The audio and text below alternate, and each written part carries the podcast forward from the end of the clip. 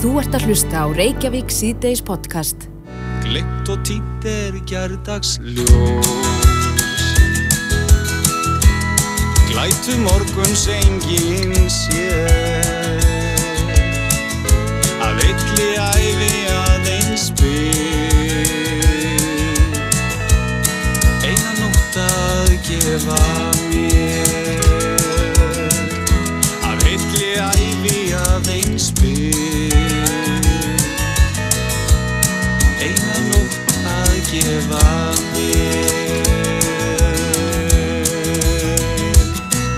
Frábært að byrja á þessu. Indislegt Ríja tríuið, eina nótt.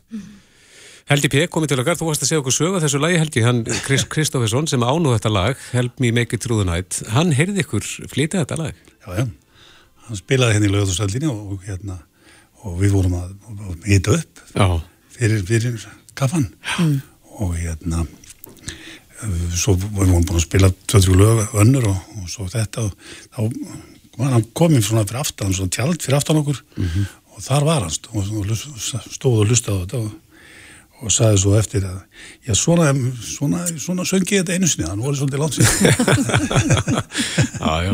En var ekki gaman að spila þetta lag fyrir hann? Jú, jú, það var mikil upphefð hann, hann var bara ánægð með þetta allt í lagi Já, já. Herðan ástæðin fyrir því að þú er komin hingað, það er að ræða hans við okkur þetta framtak veitingamansins Jóns Arnars Guðbrandssonar sem að auglýsti eftir starfsfólki, 60 ára og eldri. Þetta er nú ekki á hverjandi sem að svona auglýsingar eru settar inn en, en eh, hann segir að það hafi allt orðið vittlust. Takk fyrir að, að, að bjóða mér að koma. Þetta, sko, nú hafa menn tækifæri. Nú, nú hefur atvinnulífi tækifæri til þess að virkilega láta til sín taka. Ég lustaði á fost, uh, er framkvæmdastjóri, hann Jóhannes Skúlason, í hátegi fyrir ettum og, og hérna, hann var að tala þar um sko gríðarlega bara mann afla þörf í ferðarþjónustunni Einmitt. sem að sko, 7, 6, 7, 8 þúsund manns vandi bara. Við ætlum hreinlega. að tala um 9000. Já, ok, Já. þess þá heldur.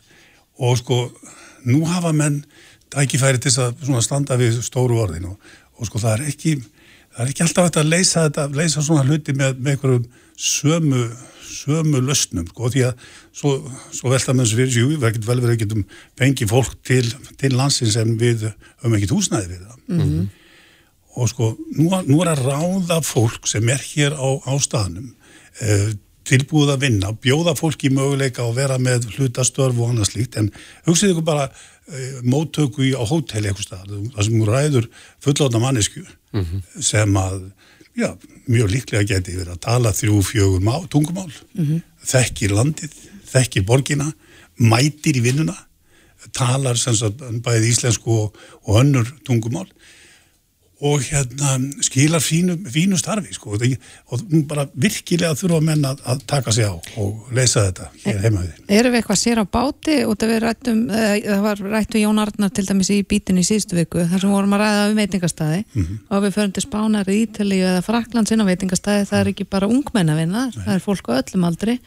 Erum Ég- við sér á báti hérna á Íslandi? Ég veit ekki sko, ég vil nú ekki kalla þetta sko aldursfordóma eða eitthvað svo leiðis en, en ég veit, menn kannski sjá þetta einhvern veginn ekki fyrir sér að, að það sé eldra fólk að, að ganga um beina og, og, og, og sinna móttökustörfum eða öðru stíku. Það finnst öllum alveg sjálfsagt að, að sko leiðsögumenn séu fullóðin aðeila, fullóðin fólk. En svo þegar kemur að einhverju svona sem á að vera svona hipp og kúl eitthvað þá, þá sto- stoppa menn við það og menn verða bara að fara að hugsa þetta upp á nýtt þetta er, sjálfsagt að nýta þessa miklu öðlind sem þetta er í eldra fólki. Hvað er þetta, er þetta margir sem að gætu verið þessari stöðu að vilja vinna en, en mega það ekki? ég, ég veit það svo sem ekki. Það, þetta eru þús, þúsundir manna og, og hérna uh, þetta, er, þetta er bara spurning um, um vilja og, og, erlendist það sem við komum á hótel það, það er fullorðið fólk í móttökunni og allt saman því líkt. Þetta er svona bara því sé stræt og renna hérna fræja og þetta er svona svipufóbía eins og er, sko, eins og er þar. Við erum vandraðum með að halda út í almennissamgöngum en sko svo fer Íslendingurinn ellendis og veður um í spórvögnum og lestum og strætóum og allt þetta svo opbóslega gaman. Svo svo kemur hann tilbaka og þá fær hann tögafall ef hann verður ekki sóttur út á kemlauglu sko, í, í bíl. Mm -hmm. Þetta er, er svona, við erum svo skitsofren í svo mörgum hlutum, það er alveg með ólíkitum. En Jón Arnar svo út af við náttúrulega erum svolítið að ræta í tengsla þessa aðtunareysingu sem hann byrti hann er að bjóða með þennan sveianlega vinnutíma, fólk getur með eitt dag í viku eða part úr degi Já Þetta er náttúrulega ekkit algilt í fyrirtækjum. Íslendingar er ekkit droslega hrifnir af því að ráða fólk í svona sveianleg hlutvöld. Nei, ég held að mm. og þá verða menn að aðlaga sig að, bara að aðstæðunum og, og mér finnst sko að það er fín viðskiptahugmynd, það er bara atvinnumidlun fyrir eldra fólk. Áhverju fer ekki einhver í það? Og hérna, ég heyrði af einhverjum hugmyndum sem menn hafðu um þetta í, fyrir norðan, Akureyri Eh, nú, nú finnst mér að menni að drífa sig að stopna eh, þessa, þetta svona soliðis fyrirtæki og, og koma sér á marka mm -hmm. Ja, Þú nefnir hérna ferðarþjónustuna og, og þessar fréttir einmitt Jóhannes Þór Skúlásson sem var einmitt að tjása um þennar skort á vinnuafli. Mm -hmm. e, Þú nefnir hérna þarna er, eru eldri borgarar, þeir gætu verið lausnin á þessu máli? Já, já, klárlega. Þeir eiga húsnæðið? Já, já, svo fyrir utan ósköpin sko, það sem við erum að tala um að geta ekki hýst fólki mm -hmm. og nú erum við með alla þessa nú er, kom náttúrulega ljós fullt af húsnæði núna sem, að, sem betur fer og, og lýsir kannski bara uh, þannig hugafari uh, gagvart úgrænum fólkinu og flottamönnunum að, að menn týna allt sem þeir geta til mm til þess að skaffa húsnæði en, en uh, fólki býr hér, eldra fólki og er hér og, og nú bara leysa málið með þessum bara heima fyrir mm -hmm. með þessum hætti. Þú hefur náttúrulega enga, enga hugmyndum hvað eru margir eh, sem að getur hugsa sér að vinna en, en er þetta mikið rætt? Þetta, það er alltaf verið að ræða þessi mál, það, bara, það verið ekki verið í bóði og, og sko við erum náttúrulega með þessa við tólkum sem, sem verulega svona mikla þrengingar það er þessa, þessa, þessi ákvæðum að fólk er að hætta að vinna þeirra 70 eða 67 ára og þessi, þessi, eh, þessi svona bautasteinar, þessi ártöl mm -hmm. mér finnst þetta alltaf vera svona kveikja aldursfordómum og, og sem, sem dragast á niður niður í aldri og bytna sérstaklega finnst mér á konum. 55 ára gamlar konur þær, þær eru ráðan eldgamlar og ekki þetta nota þær og, og regnar og, og þetta, þetta gerist. Mm -hmm. og sko við, við höfum lagt á það mikla áherslu að, að starfslokk eiga meða við sko færni en ekki aldur. Og, og það gildir um, um þetta líka. Ég meina, með mjög hæft og, og, og flott fólk sem, sem vill og getur unnið og ákveður ekki að nýta það Þannig að hlutavandamálun er að öllum eldri borgurum er, þeir eru allir sett í sama mót Það er málið, ah. það er málið það er grunnmálið og það er, það er það á svo mörgum sviðum Helgi Pettersson, gaman að fá þig í heimsók. Kæra þætti fyrir komuna. Takk. Þú ert að hlusta á Reykjavík C-Days podcast. Já, það er ótt að segja að annir heilbreyðis á þeirra minka gert, mm. þó að COVID sé svona á loka sprettir um að því að maður ekki telja. Nei, mitt er náttúrulega rætt mikið um heilbreyðstónustuna á landsbygðinni í kjölfar uh, ræðilara fregna sem bárust síðust helgi. Við talum fóreldra sem mistu uh, barnunga dóttur. Já og svo hafa sögur verið að spretta fram þar sem að fólk er að lýsa reynslu sinni af, af stöðumála mm -hmm. í mhm. sinni heilbyrðisstofnun á landsbyðinni. Viljum Þór Þórsson, heilbyrðis á þeirra á línu, kom til sæl. Jó, komið sæl. Ef við byrjum aðeins á þessum slóðum, það er kallað eftir mm. því að, að staðan sé jöfnuð út á landi, að fólk búi við sömu skilir þar þegar það kemur að heilbyrðistjónustu eins og annar staðar. Hvað segir það? Jú, jú, og það er auðvitað sjálfsagrafa og við erum auðvitað með Eh, skeipulag á þessum málum til að sinna þessari þjónustu sem best vitt og breytt um, um, um landið og e, við erum með þetta skipt upp í heilbriðsundæmi og, og, og heilbriðistofnanur í hverju undæmi sem að sinna heilbriðistjónustu. En samt eh, sjáum við þessa kröfu þess að fólk er að lýsa að það fá ekki sömu þjónustu eins og aðrir? Já, já. Það og það er kallað eftir úrbótum þar, er, er, er þetta að uh, skoða hvað maður betur fara?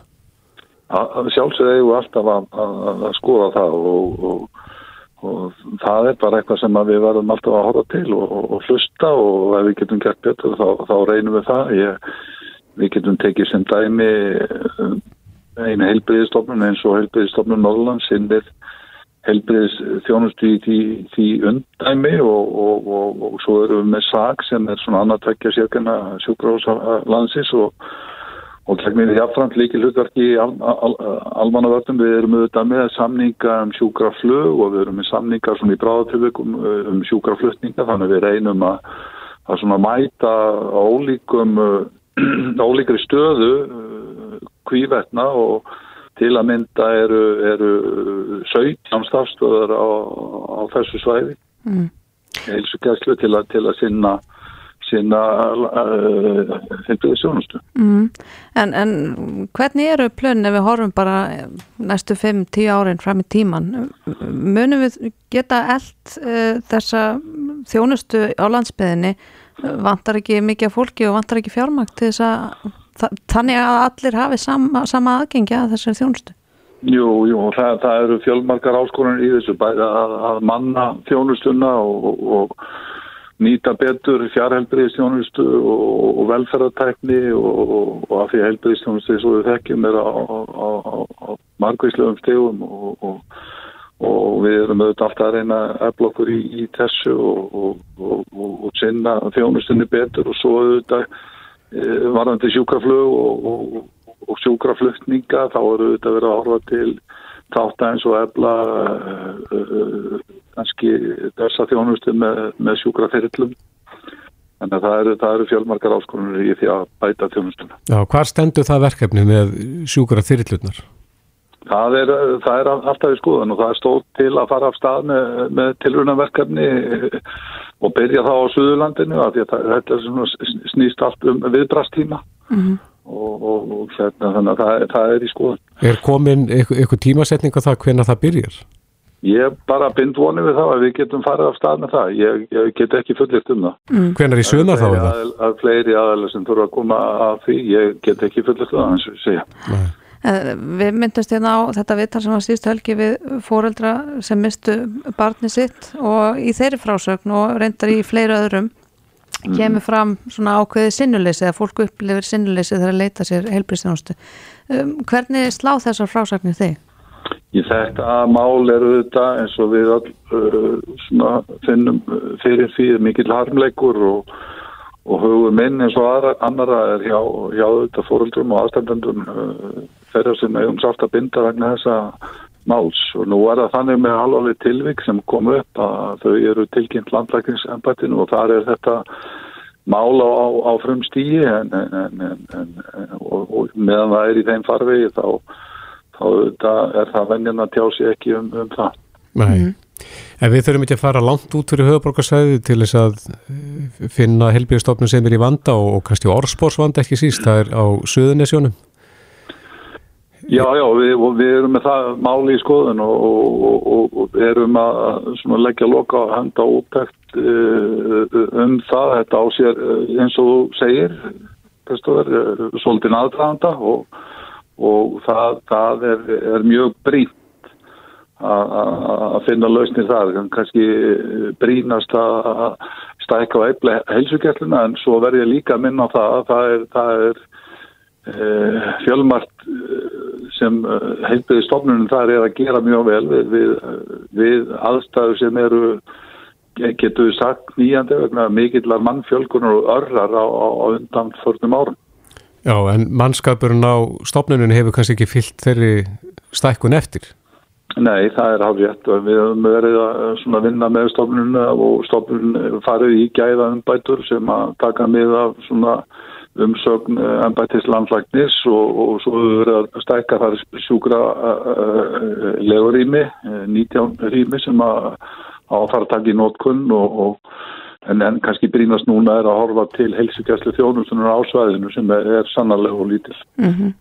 uh, aðeins yfir í annað, við vorum hér með Haldurum Móensen, þinkonu Pírata í Vittali í gær sem að lísti yfir vonbröðu með að frumvarpið um afglapavengur nesluskamta var í komið í starfshóp, var í niður, niður fælt um, og þyrtti einhverjar frekar skilgreiningar á til dæmis hvað nesluskamtur væri.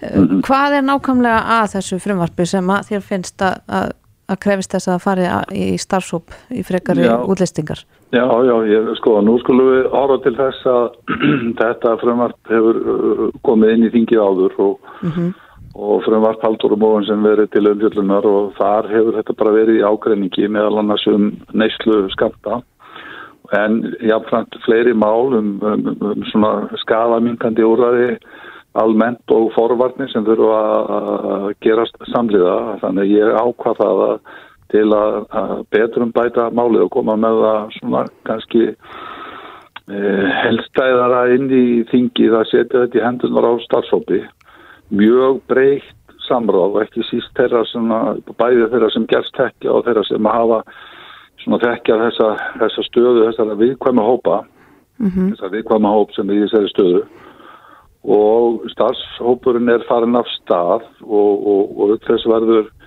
verður uh, munum við leita í alþjóðlega samráð við, við, við nefndum, alþjóðlega nefndum um, um, um slíka stefnumótun í fíknefna stefnumótun og, og haft samráð við, við sérfræðinga sem hafa leitt svipaða vinn í öðrum löndum og þannig að við tökum bara mjög vel utan á þetta mál. Nú er það þannig að öll mál þurfa að koma inn í þingi fyrir fyrsta aprils og starfsópurinn hefur ekki náða á þessum tíma eftir að ég tók við og, og náða skipan og hefur hafið störf að teisti sér ekki til að klára þetta fyrir fyrsta appi og við viljum manda okkur og gera þetta vel og, og, og bæta málið þannig að ef að það tekst vel til þá, þá rekna ég með því ég er góð með frumvartið betur um bætt sem á þá meiri möguleika og tekur, tekur betur utanum enn hóp mm -hmm.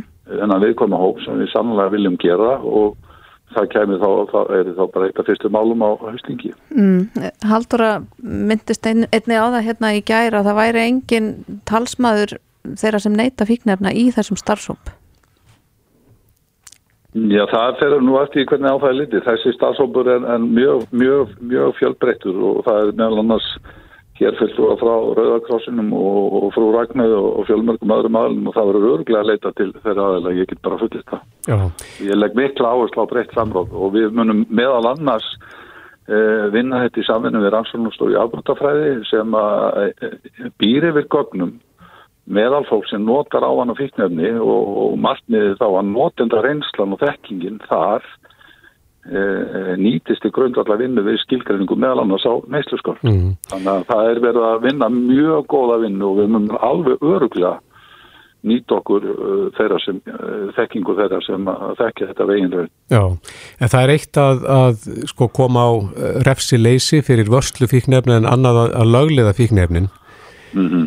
uh, og menn greinir á um það hvort að vegi að gera fíknefni upptæk sem að finnast hver er þín skoðun á því? Er, er á, að, á að leifa vörslu á fíknefnum eða, gera bara vörsluna refsi lausa og gera fíknefnum upptæk?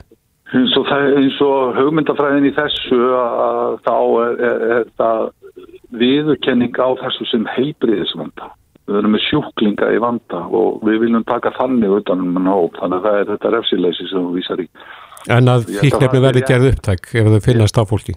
Ég held að það sé rétt nálgun Nú ætlum ég að leifa hóknum að vinna kannski þessa vinnu og horfa betur inn í, inn í málið. Það er í fullverðin nokkuð um það en ég held að það sé, það er nálguninn í þessu máli. Mm -hmm. Mm -hmm.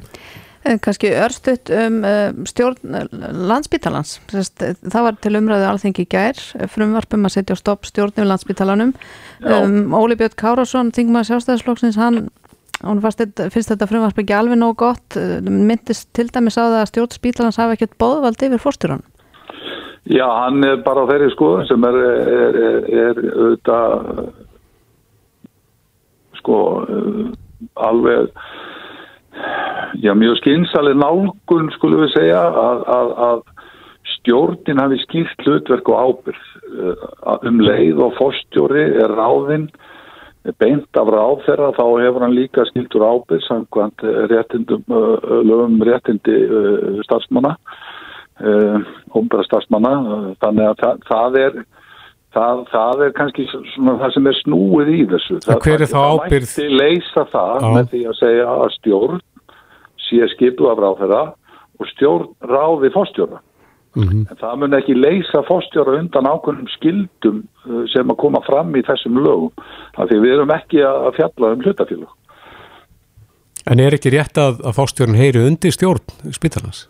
Jó, hann gerir það eins og þetta er teiknað inn í, í lögum heildægisjónustu en þetta verður alltaf svona ákveðin ákveðin samvinna á milli stjórnar sem er ætluð til stuðningsfórstjóra í, í, í, í, í svona faglögu starfi spítalans og, og, hérna, og í, í samræðu þá við ráþeira í veiða miklum ákvörðunum. Og telur að, að stjórn sem er þið sett yfir spítalan að hún myndi eh, þá meðal annars bæta rekstur spítalan sem, sem hefur nú oft verið svona deilt um?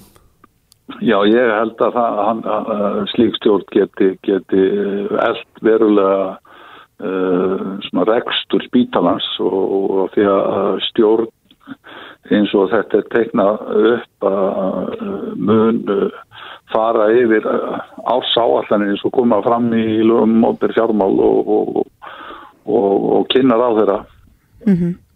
Já, einmitt að við komst í miður ekki lengri bili. Uh, Viljum Þór Þórsson, helbriðsáðura, takk kærlega fyrir spjallið. Þetta er kæra þakkir. Bless, bless. Nei, Þetta er Reykjavík C-Days podcast. En e, kíkjum aðeins út í umferðina, það er náttúrulega búið að vera svona reysi á tíð og e, svo litið um óhöpp e, tengt veðrinu. Já, heldur betur og, og hólur í vegi og allskins. Já, það er náttúrulega það sem er, fólk er að upplifa svolítið þessa dagana. Mm Það er að lenda í þessum stóru hólum sem að myndast oft með stöttum fyrir ára. Já, En svo skiptir máli hvernig staðið er að viðgerð á þessum bílum til þess að stjærði ekki öryggi ökumanna en frekar. einmitt. Til að ræða þessi mál er mættur Yngþór Áskesson, hann er framkvæmtastjóri þjónustusviðs hjá BOL. Vertu velkominn. Takk fyrir að bjóða mér. Já, það lítur að vera há alvarlegt ef að er ekki gert rétt við tjónabíla, myndi ég nú halda. Já, það er graf alvarlegt og, og í greinu sem ég skrifaði þá er þetta máilega líka þessu bara við, þetta er döðans alvara Mm að gera hl- hlutina ekki rétta.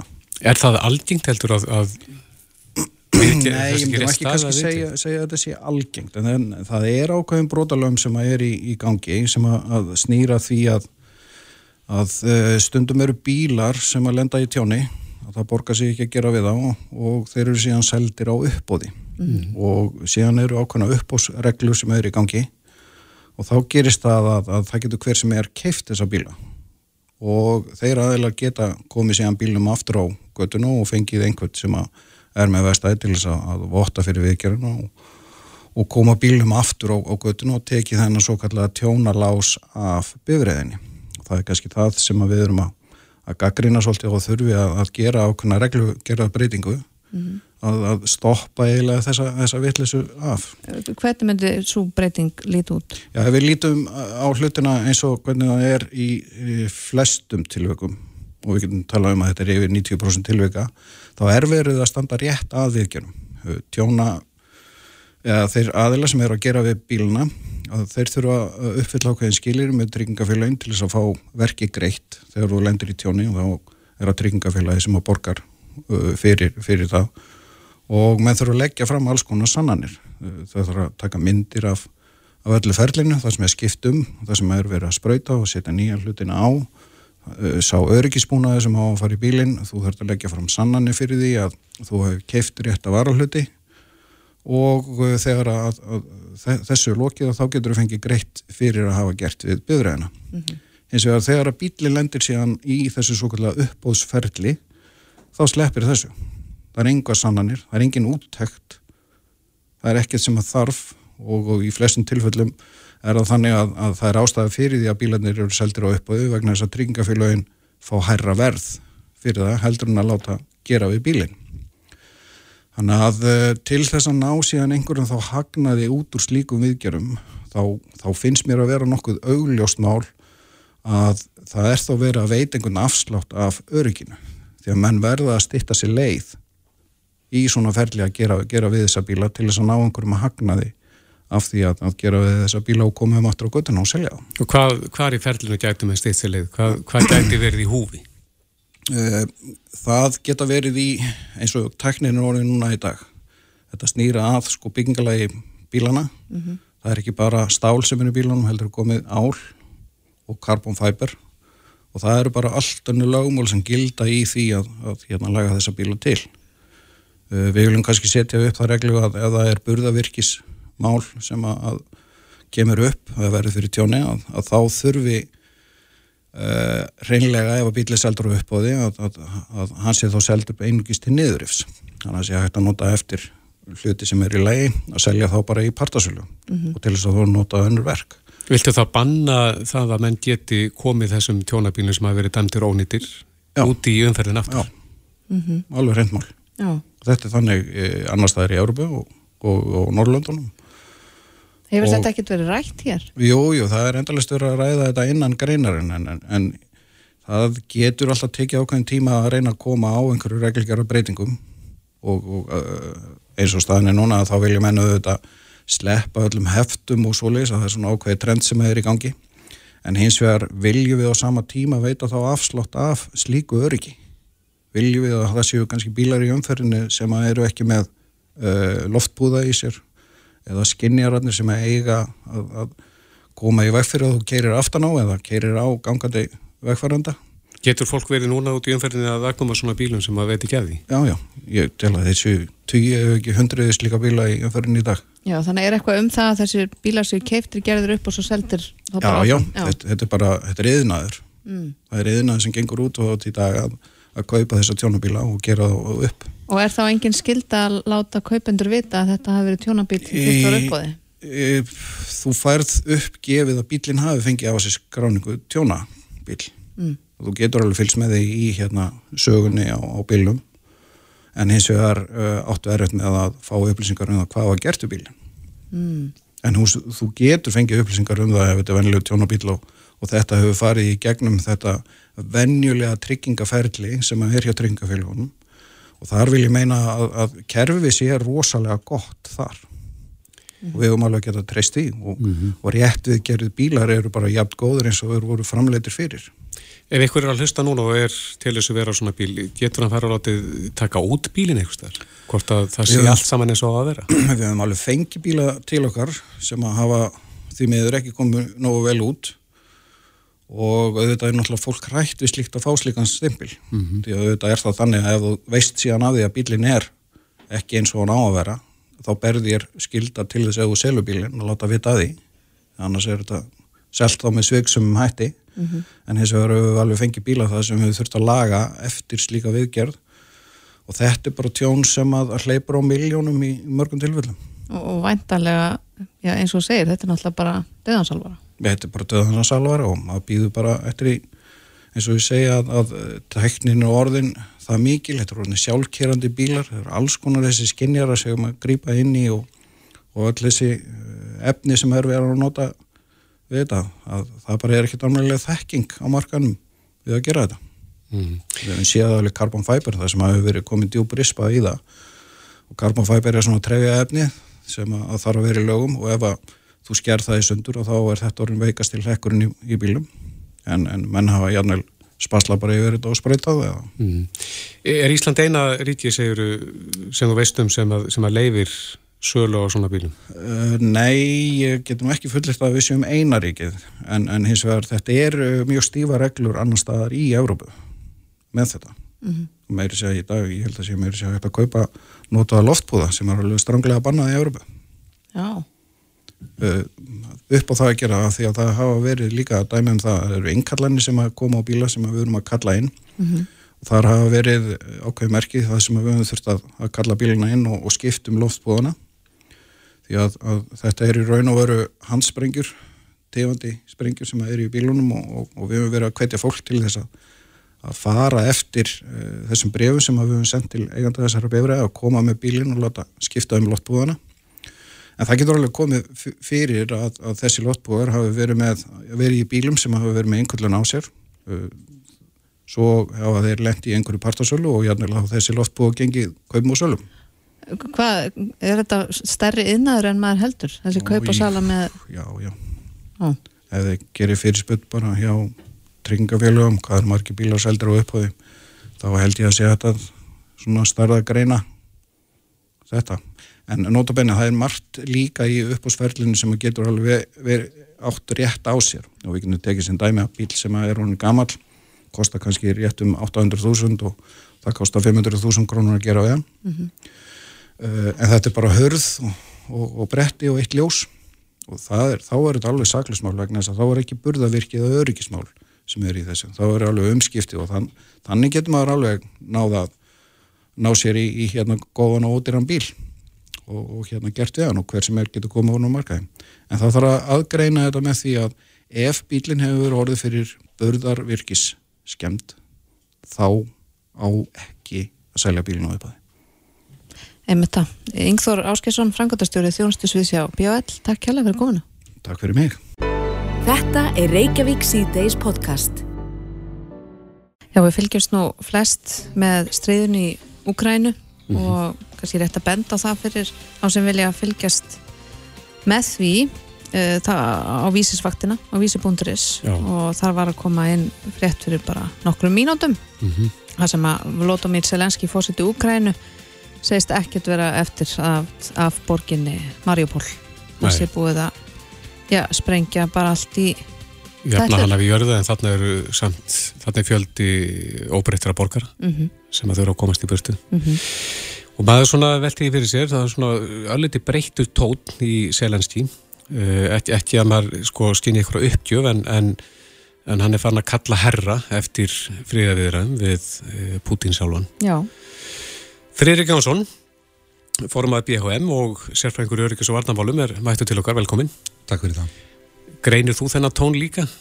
Svona, Ég, ég, já, ég, það er mér náttúrulega mjög eðlilegt að, að Selenski kalli eftir friðaviðranum og, og, hérna, og vilji reyna að finna einhverju leið til þess að, að að stöða þetta stríð í, í, í heimalandi sínu.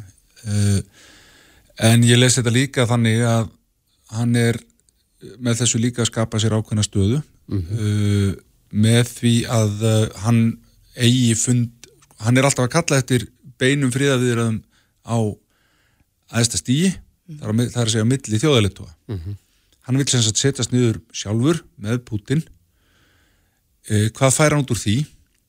Þá fengi hann ákveðna viðurkenningu frá Putin að Selenski sé sá sem hann er. Rétt kjörinn leiðtogi Úkrænu mm. hann tógar þá þannig Putin er á ákveðin jafningalevel og uh, það myndi í raun og veru hafa ákveðin á, áhrif á, á, líka á samningsstöðun og, og útlítið á samningum. Uh, fréttir bærust að því heim til Rústlands að Putin sé að setjast niður með Selenski eins og jafningja uh, þá passar það náttúrulega ekki inn í söguna sem er búið að vera að selja rússum að þarna fari maður sem ekki setja að tala við sé bara dópisti og nazisti og svo framvegis Er það þó borin vona að Putin vilji setjast niður með hann? Ég, uh, það er aldrei, uh, það er alltaf von, en það er, það er augljós, hérna, að mínum að þetta er augljóst að, að með þessu væri Selenski að byggja undir sjálfan sig og, og kannski leiðir þetta ákveði valdajafvægi gagvart Putin með þessu.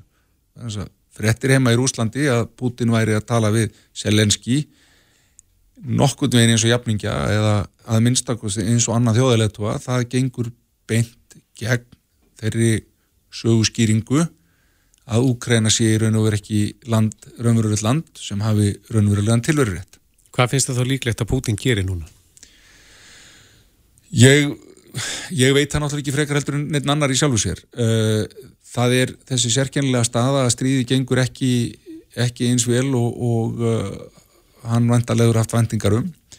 Við erum komin á, uh, á fjórðu viku. Uh, það eru fjóra viku núna á fimmtudaginn. Uh, aðgerðir harna. Uh, ég svona bent á það að þó að rússar séu ekki að vinna þetta stríð, þá eru þeir ekki að tapa því heldur og sama má segja um úkrænumenn að þeir eru nú ekki að vinna þetta stríð eða þeir eru ekki að tapa þessu stríð, þeir eru ekki að vinna það heldur þannig að þú ert að nálgast æ meir ákvæmna, ákvæmna stöðnun. Uh, st- þessi stöðnun hefur leitt af sér að rússar eru að beita meira hömluleysi í sínum aðgerðum. Uh, beita uh, grófari vopnum. Fréttin sem þú veist að vísa til hérna áðan af stöðunni í Mariupóla þannig sé bara Hafnarborg nánast lögði í eyði og jöfnuð, jöfnuð jörðu. Það ber nú ekki ber nú ekki rúsum fallegt vitni svo ekki sem er að sagt. Þannig að, að hérna meðan að þeir komast upp með slíkt uh, þá sé ég ekki alveg hvernig þeir munu hætta eða stoppa og hvað þá, og hvað þá bakka. Mm. Óttastu það að þetta stríð eh, gæti orðið ansið hreint langt, óbærilega langt? Já, ég held að í sjálfu sér er það þegar orðið óbærilegt og þegar orðið ansi langt en það er ég sé engin teiknum það að þessu stríði sé neitt að fara að ljúka.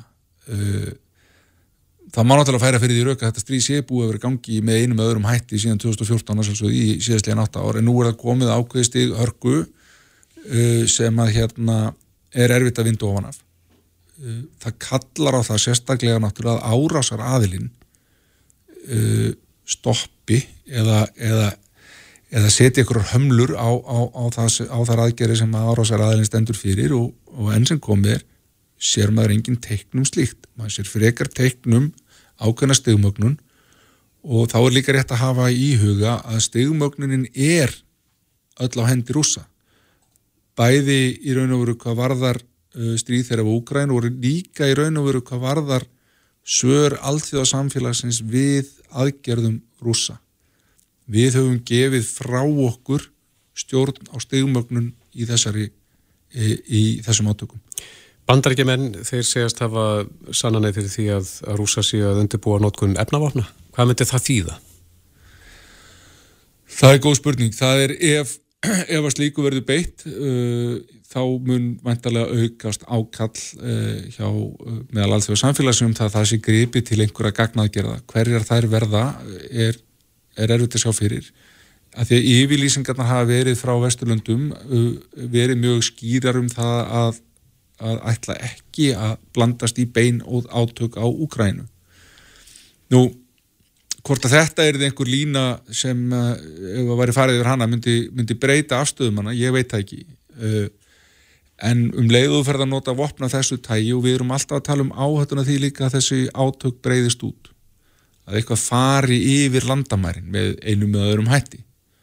Ef þú talar að beita efnávopnum, tala um ekki um nálat landamærum NATO-ríkja uh, þá eigst hættan á, á því að einhvað gerist sem að kannski ekki einu svona rúsar voru að gera áallinur um en það er full ástæði til að hafa ágjör að því að, að þess háttar stegumöfnun uh, getur leitt til uh, frekar átök og jáfnvel að, þau, að þessi átök breyðist frekar út mm -hmm.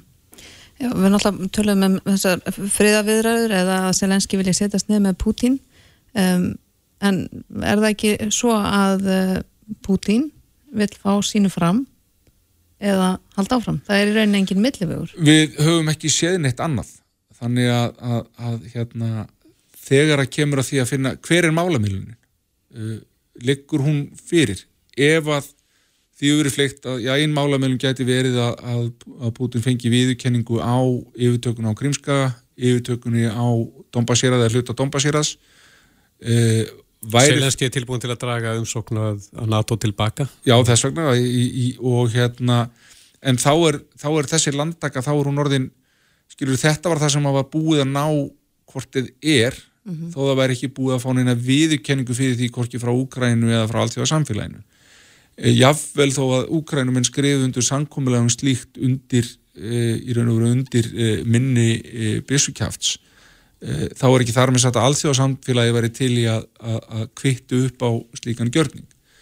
Þarfyrir utan er Rúsland þó búið að ná ákveðnum landvinningum, sérstaklega í Suður Úkrænu á landsvæðið á milli og það er náttúrulega sem Mariupól, hertakan á Mariupól snýristum, það er að klára að loka landleðinu frá Krímska að Rúslandi. Uh, ég hef verið að benda á það að það felur þá jáfnframt í sér að Asov haf breytist í, í reyndi rúsnest innhaf sem hefur áhrif á Asofhaf sem uh, já, í raun og veru alltjóðlega siglingaleiðir þar og, og annað en raun og veru er þetta náttúrulega innhaf sem hefur verið deilt af hérna, uh, deilt yfir á, á milli Úkræn og Rúslands og það eru mögulega og vendarlega einhverja náttúruöðlindir á hafsbótni til dæmis Mariupol er önnur stærsta harnaborgin uh, Úkrænu við með, með aðgengi að Svartahafið þá gegnum Asofhaf út á Svartahafið. Hinn borgin er Odessa sem að nú við fáum fregnir af að sé að aukast árásir þar. Þannig að meðan að, meðan að þetta mjallar uh, yfirtaka rúsa þá á til dæmis allir í suður strandlengjunni þar að segja frá landamærunum við Rúmeníu uh, að og til og með Krímska og síðan að Rúslandi sjálfu þá ertu búin að loka aðgengi Úkrænu að, að, að svarta hafi uh, og Úkræna orðið uh, landlugt ríki sem er þá ennþá háðara uh, uh, nákvæmringjum og þar með talið þá Rúslandi varðandi öll aðfeng og, og tilvörð Er, er hægt á því að, að fólk fara að vera ónefnt fyrir fréttum frá Úgrænu og svona þetta fara að færast aftar í, í fréttatímana? Er, það, er nú, það, það, er, það er nú það sem gerist gjarnan sko, en við erum enn, þetta er ennþá það nýtt og fest og þetta er ennþá það nálagt okkur. Og náttúrulega þegar við líka förum að fá hér aukinn ströðum flottamanna sem mun halda því við en uh, jú, jú, það er ákveðin galli mannskepnunar að við, við dopnum svolítið fyrir þjáningum annara á endanum. Uh, en uh, þetta er ennþá það, það nýtt og það sem er kannski heldur þessu áfram í vitundinni er þessi óheilla þróun sem við erum að sjá að grimdin virðist vera að aukast sérstaklega frá, uh, frá rúsum. Mm. Eru kynverjar ennþá líkillin að lausna þessu uh, stríði? Ég sé ekki kynvera sem líkilega laust en klárlega hefur áhrif hvað þeir ákveða að gera, hvort þeir ákveða að standa tildurlega hlutlausir á hliðalínunni eða hvort að þeir stað, fari virt að standa í, í því að til dæmis að hjálpa rúsum að komast fram hjá viðskiptaþingunum. Í augnablikinni sjáum við í, í raun og veru ekki mjög mikil merki um það að, að kynverja sé að gera það mjög virt eða skilvirt. Uh, þeir séu higgandi það hefur augljóslega haft áhrif á, á Kína hversu illa þetta hefur gengið ég held að sé alveg klárt hefði þetta stríð tekið ykkur á fjóra-fimm daga og, og, og ný staðrenda jörðinni hefði orðið til með, með rúsnesku ægivaldi yfir Úkrænu þá hefðu kynjar að rifta öxlum og undist að bara allt í lægi þá að halda með áfram með, með, með viðskipti eins og vennilega en klárlega hefur áhrif á, á, á Kína og þeirra afstöðu hvernig þeir eru að breyta hvernig, eh, hversu illa þetta er að ganga hjá, hjá rúsum og þeir svona eru uh, farnir að, að, að, svona veðja aðeins meira í allar áttir Mm -hmm. Friðrik Jónsson, sérfræðingur í Öryggis og Varnamálum og forma BHM. Kæra þakki fyrir komina. Takk fyrir mig. Reykjavík síðdeis á Bilginni podcast. Það er sláandi fyrirsögn hérna á stundinni. Barnafjölskyldur á lámaslaunum tæknilega gjaldróta. Þetta hljómar ekki vel. Þetta hljómar alls ekki vel. Þannig verið að vísa í greiningu sem Stefán Ólafsson, félagsvæði professor, er ábyrðar maður fyrir í kjarafréttum eblingar og Stefán er hér sestur. Vertu velkominn. Takk fyrir. Þetta eru ansist lágandi niðurstöður sem kom fram í þessari greiningu þinni. Já, þetta er svolítið dramatíst. Uh, við erum náttúrulega í þessu ríka landi, það sem allur þorri almennings hefur það bara gott með við önnu lönd, en, en uh, það sem við gerum í þessari greiningu er að við tökum lámaslaunin, tökum barnafjölskyldur, annars er einstæða fóreldra með eitt barn og hins vegar hjón með tvö börn. Og uh, þau eru á lámaslaunum í, í fyrsta dæminu sem eru 368.000 krónur á mánuði núna. Við draugum frá það sem er tekið af þeim í lífeyrissjóð, síðan það sem er tekið af þeim í skatta, svo bætum við við það sem þau fá í barnabætur og í húsnæðisbætur. Og svo stillum við þessu upp á móti framfæslu kostnaði sem við fáum bara hjá félagsmálaráðanitinu, framfæslu við með þess og bætum við húsnæðiskostnaði uh, frá þjóðskrá. Og uh, einstætt einstæði foreldri á lámaslaunum með eitt bad, þau eru með mínus upp á tæmlega 90.000 krónur á mánuði sem að segjur okkur, já það dæmi gengur augljóslega ekki upp að vera bara á lámaslaunum, þau verða og, og með meðal húsalegu kostnað eh, fyrir, fyrir 60 fermetra íbúð er viðmiði hjá þeim. Þannig ef að þau eiga ná endum eh, saman, þessir einstæðu foreldrar, þá þurfa þau að, að uh, annarkot að bæta við sig mikill aukavinnu eða að fara í mun ódýrara húsnæði heldur en almennt týðkast eða gera hvort tvekja. Er þetta nýjar tölur eða hefur Já. þetta breyst á, á stöknum tíma? Eða? Þetta er allt með að við janúar núna og þessu ári. E, þetta er sko það sem að hefur verið að fara illa með þetta á, upp á það síðasta er hækkun húsnæðiskostnaðar og sem að hefur hækka langt umfram laun og, og, og útkoman er svipið við tökum hjón með tvö börn, annað sex ára og hitt nýjára og, og gef, gefum okkur það að þau séu bæði á lámaslaunum og bæði í fullri vinnu að þá eru þau með um 760.000 krónur í, í heildar launamánuði en þau ná ekki endum saman heldur. Þau, þau Hvað vantar upp á hjá, hjá, hjá þeim vantar um 89.000 krónur upp á og, og hérna og jafnvel þó þau bæti við sig um, um, fimm tíma aukafinu kort á viku sem er nú erfitt fyrir tvö fullvinnandi hjón með tvö ung börn mm -hmm. en ef við tökum reiknidæmið þannig að þá, þá vantar ennþá 10.000 krónur upp á þó þau þó þau fara upp í 900.000 krónur samanlagt með lámaslaunum tveimur mm -hmm. og tveimur uh, aukavinu skömmtum upp á, upp á 5 tíma á viku, 22 tíma á manni. Miðast þetta við að, að þetta fólk sé á leikumarkaði? Já, þetta er miða við fólk sem er á leikumarkaði mm -hmm. og uh, ef þetta væri fólk sem að væri í eigin húsnæði þá, uh, þá er það ekki mjög ólíkt þessu fyrir þá sem eru yngri og hafa verið að kaupa húsnæði á þessu nýjasta verði sem er mm -hmm. allt mhm. miklu hærra en áður hefur verið mm -hmm. þannig að það er mjög svipuð staða um, En hvað, sko fyrir í þessum dæmum, hvað þyrstu lámaslaun að vera há til þess að fólk geti haft það þokkalegt, allavega að ná endum saman? Já, sko, það, það er að því að við erum með inn í dæminu bæði launin og skattana og, og það sem fólk fær frá velferðarkerfunu, mm. barnabætur og húsnæðisbætur, að þá er hægt að stilla alla þess að þetta að. Þetta þarf ekki eindalega alltaf að koma út úr launahækunum. Ég bendi bara á eitt varandi til að með sjónin að á tímabilinu frá 1990 til 1995 þá voru lámaslaun skattfráls. Mm -hmm.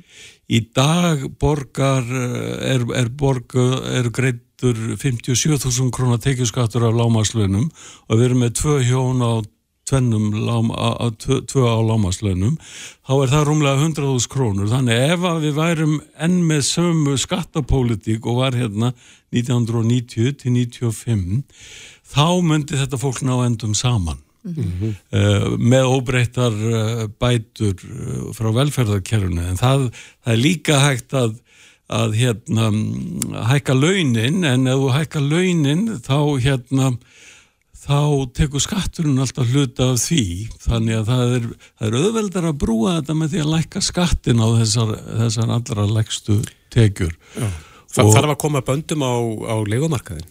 Já, já, það er, það er auðvitað líka annað verkefni og bæði legomarkaðin og húsnæðismarkaðin almennt. Mm. Það er allt bara stjórnlaust og hefur algjörlega mis hefnast öll hagstjórn sem að því hefur tengst á síðustu þreymur, tveimur árum, tveimur, tveimur til þreymur árum. Mm -hmm. Þannig að þetta verður að virkara eftir þetta með leikumarkaðinu? Já, já, við gerðum kröfu um það í síðustu kjærasamningum, í lífskjærasamningum að vera sett þak á leiku, hvað hún gæti hækka mikið frá einu tíma til annars, sem er forðað fyrir frá nágrannlandunum, það fegst nú ekki gegn. Það er eitt af þessum uh, óemdu lofvorðum uh, ríkisvaldsins mm. inn í kjærasamningin sem er, var slæmt. Það hefði, hefði við fengið það þá væri þessi stað ekki, ekki jafn slæm.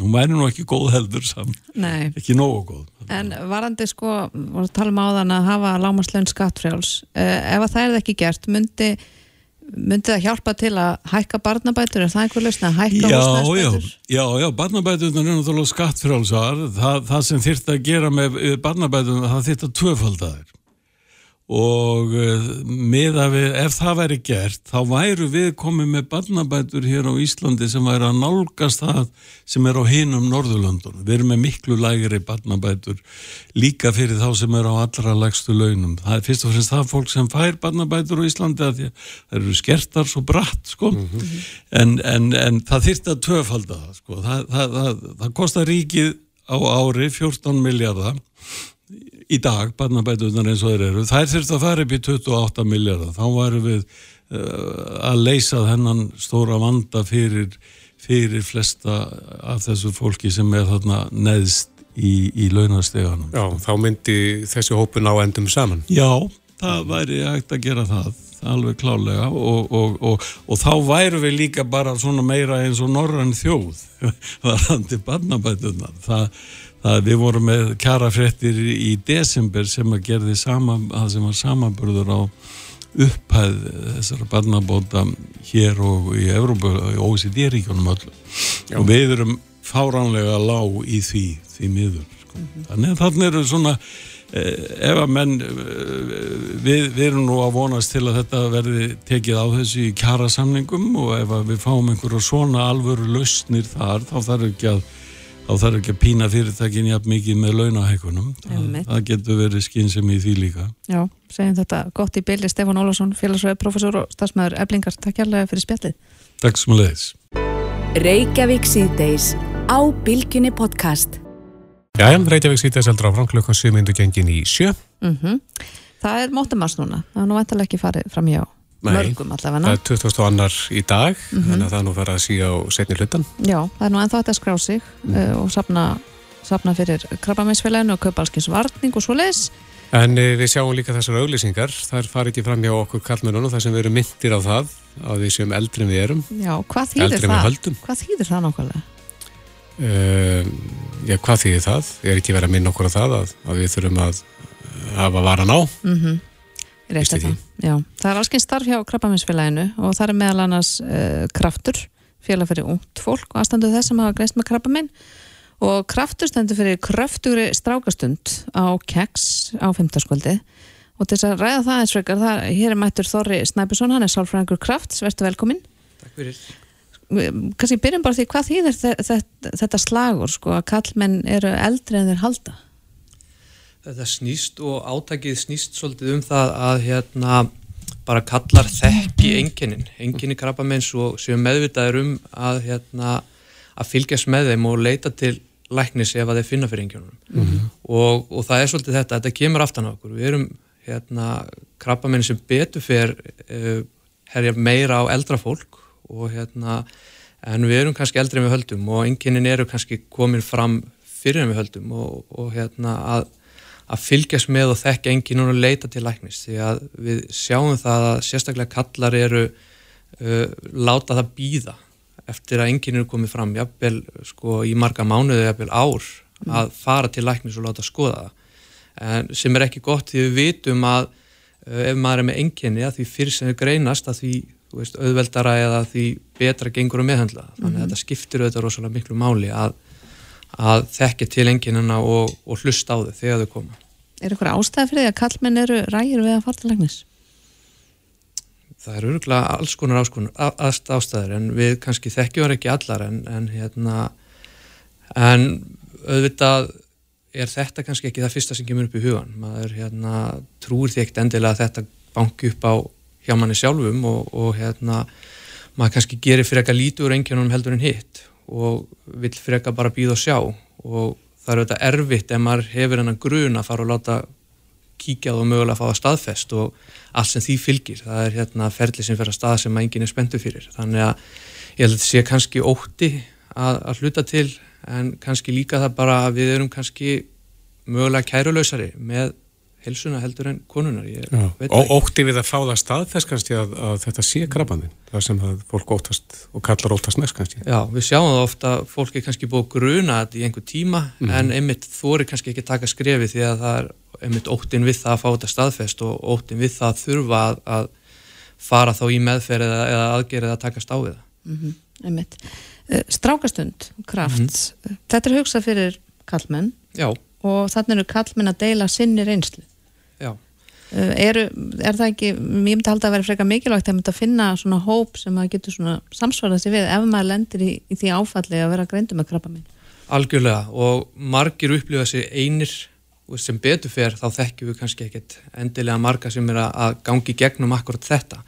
Og, og tilnefingin er hjá mörgum að einangra sig og finna það að þú veist að er enginn í þekkingar sem er gangi gegnum það sama.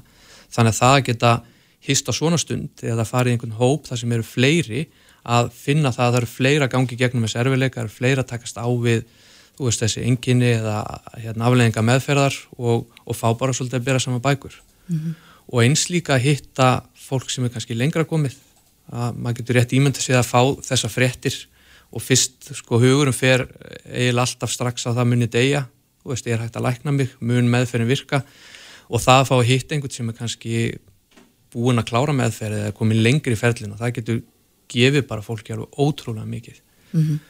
og líka bara þessi reynsla sem fólk öðlast í meðferðinni að sko heilbyrðistarfsfólk er með alls konar mentun og reynslu og þekkingu en hefur allavega fæstir þessa insýn í það að þú veist, sitt í stólunum að fá lifin eða fari geyslameðferð eða fari aðgerðin og þannig er sko hópur með ótrúlega dýrmæta reynslu fyrir þann sem er til dæmis nýgreindur.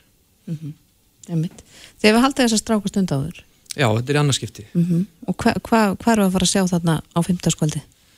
Við erum bara að fara að hittast og bara ræða saman og það eru þarna að koma reynsluboltar að segja sína sögu. Við erum með hérna, bæði aðstandendur og, og einstakling sem er greinsmenngrafumenn og þeir ætla bara að uh, miðla sinni reynslu og segja sína sögu og, og þeir sem koma fá það tækifæri til þess að hlusta þeirra sögu og fá að spurja mm -hmm. og svo ætlum við að fá tónlistaratriði Jónas Sig ætlar að koma og, og taka nokkur lög fyrir okkur þannig að upplegið er í rauninni sko, þetta á ekkert að vera einhver þú veist, við erum ekkert að koma og tala um endilega bara, þú veist, erfileikan og hvað allt er hræðilegt, heldur við líka bara að hafa svolítið gaman og, og það má alveg þú veist, hlæja líka og segja skemmtilega sögur og við ætlum bara einhvern veginn að eiga svolítið góða stund og, og auðvitað með þessum alvarlega unditón en, en samt þannig að, að hérna að við fáum einhvað út úr því að hittast og, og hérna líka bara vekja aðtikli á mikilvægi þess að sækja sér stuðning og, og ræða málinn mm -hmm. því að við sjáum það að kallar eru uh, leita sér síðustuðnings og við erum að reyna svona einhvern veginn að höfða til kallmannan og, og, og, og benda þeim á það að veist, það, það er enginn einn í þessu, það þarf allavega enginn að vera einn í þessu, það eru fleiri þarna og veist, við erum sterkari saman ef við reynum að, að takast á þetta þannig í staðan fyrir að hverju sínu hodni mm, Karla leita síðu stöðnings og þeir, þeir fara síðu til læknis. Mm -hmm. Er þetta bara eðli kallmanna eða, og verður þetta alltaf svona?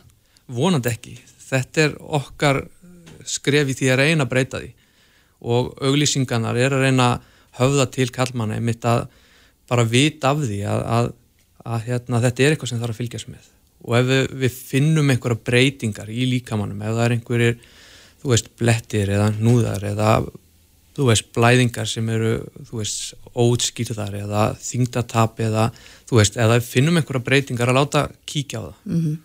og, og þetta er okkar svona tilrönd til þess að reyna að breyta þessu því að þetta þarf ekki að vera svona mm -hmm. Sigrast á óttanum mm -hmm. og finna sér stundingsnett mm -hmm. það er ekki málið. Þetta er náttúrulega slæm stað að vera í að þú er ekki að, að fara til læknis og láta staðfesta óttan en ef að fólk býður þá getur staðan orðið mun verri Já. þannig að Já. þetta er þetta er vítaringu sem hefur myndast þarna Já, algjörlega og sko horfurnar á því að veist, læknast þær eru auðvitað miklu meiri eftir því sem að, þú veist, því fyrr sem að mm -hmm. við leitum til læknis. Mm -hmm. og áður en að enginninu farin að, að vera verri að, að við viljum að fólk leiti strax til læknis og, og fái þessa aðstöð mm -hmm. Já, fín loka orð, Þorri Snæbjörnsson Sálfræðingur Krafts og Krabbaminsfélagsins Kæra þakki fyrir komina Takk fyrir mig. Hlustaðu hvena sem er á Reykjavík C-Days podcast Snúm okkur aðeins að rafbílum, mm -hmm. Eh, orkustíftin eru hafinn, það er ljóst og eh, sömur, ja, sömur finnst stíftin ganga allt og hægt. Já. En e, nú er nýbúið tilkynnu það, það verða breytingar á endugreislu til þeirra sem að ekkert fjárfesta í, í rafbílum, mm -hmm. það er þess að endugreisla á virðisöka. Tómas Kristjánsson, formar rafbílasambans Íslands er komin, velkomin. Takk að þið fyrir.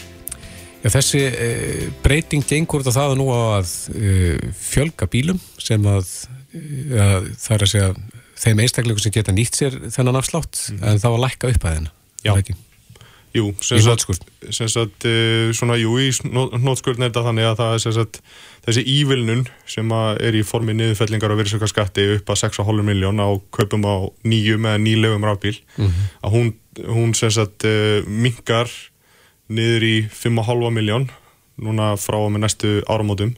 Úr, úr 6,5 miljón mm. -hmm og þannig, þannig að þetta var sérstaklega þannig að þú gæst keift ráðbíl upp að 6,5 miljóna og þess að greiða verið svona skatt fyrir hann þannig að allt í raun og veist þeir sem voru að köpa sér dýru ráðbíluna þeir greittu bara verið svona skatt eftir 6,5 miljón mm -hmm.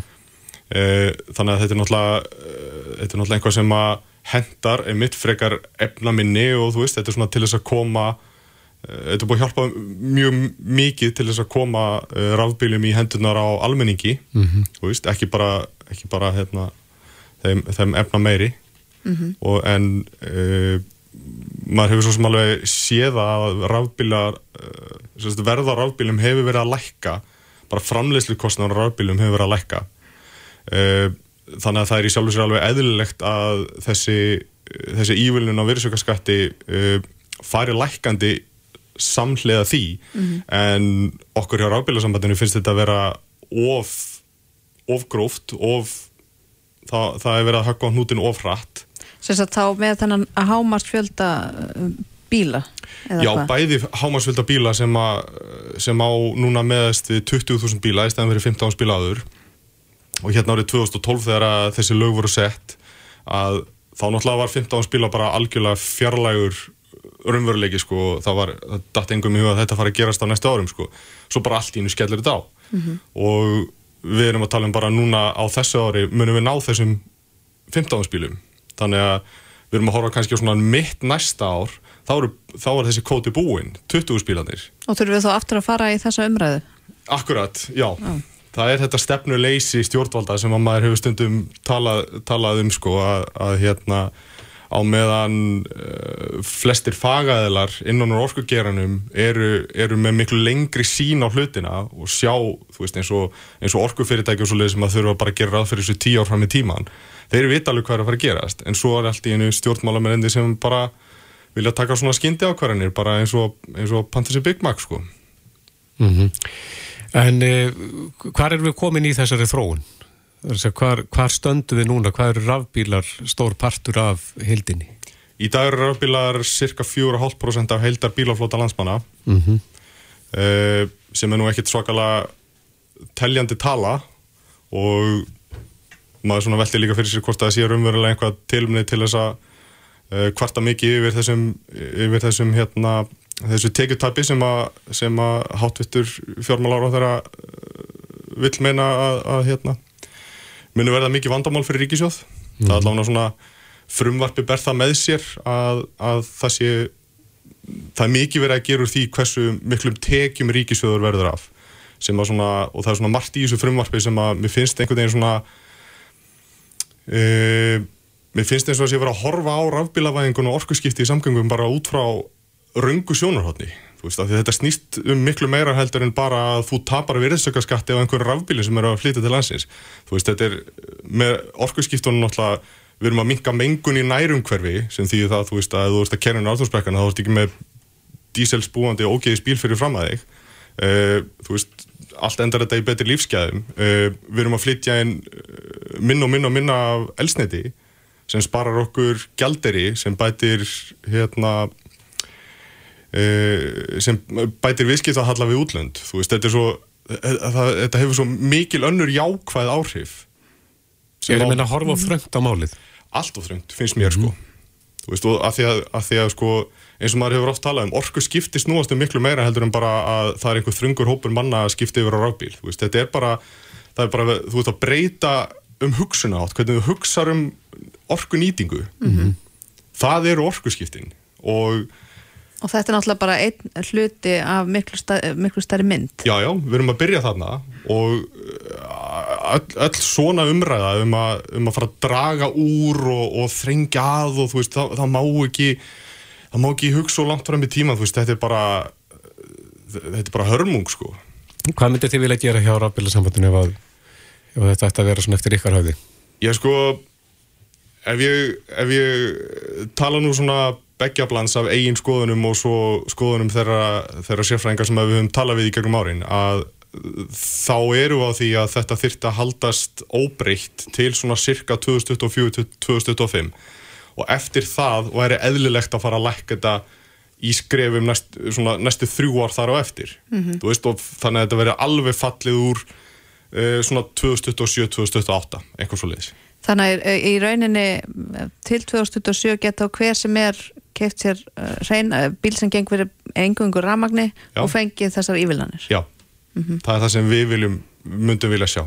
Því að þá, þá svona myndi þetta fylgja nánar verðlækningu á rafbílum.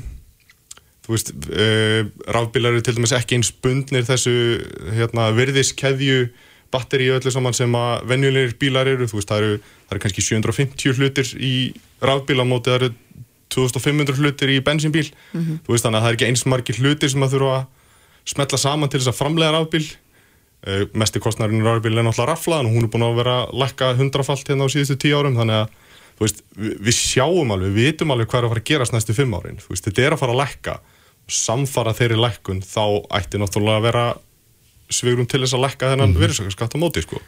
Meiri fyrir sjónleika næstu árin Já, við viljum meiri fyrir sjónleika og svo er sko eins og e, eins og í upprunalega frumvarpinu sem að hérna, varða lögum 2012 um þessa niðurfellingu þá er e, þá er klausa um vettnisbíla og sem eins og flestir vita hafa ekki orðið að veruleika hérna á Íslandi, ég held að séu skráðir 25 eða 30 vettnisbílar á landinu. Og flestir, þú veist, í svona einhverjum tilhörna verkefnum, þú veist, þetta er svona einhver þetta var svona einhver utopian raunveruleiki sem að bara varða aldrei að neinu. Uh, og eins og tekninir í dag að þá eru sjálfur sér ekkert útlitt fyrir að vettnisbílar muni ná sér og skriða á Íslandi Mhm. uh, samt sem áður var gert ráð fyrir niðurfelling á virðisaukaskatti á 15.000 vettnisbílum og þar að leiðandi er búið að gera ráð fyrir þú veist, þessari teki, þessi tekitapi ríkisjóðs út af 15.000 vettnisbílum sem aldrei koma þannig að maður spyr sér líka, þú veist, akkur má ekki flytja þessa heimild yfir rafbíla Mhm. þú veist, það hljóma mjög einfalt af því að það er svo, þú veist, eins og ég segi, það er, það er nú þegar búið að gera ráð fyrir því Já, einmitt. Já, þetta er mjög áhugavert. Uh, Við lögum til að sjá hvernig, hvernig þetta fer allt saman, hvort að uh, þú nær til eirna stjórnvalda. Uh, Tómas Kristjánsson, formaður af Bilsabansins. Takk kærlega fyrir komuna. Takk fyrir mig. Reykjavík síðdeis á Bilginni podcast.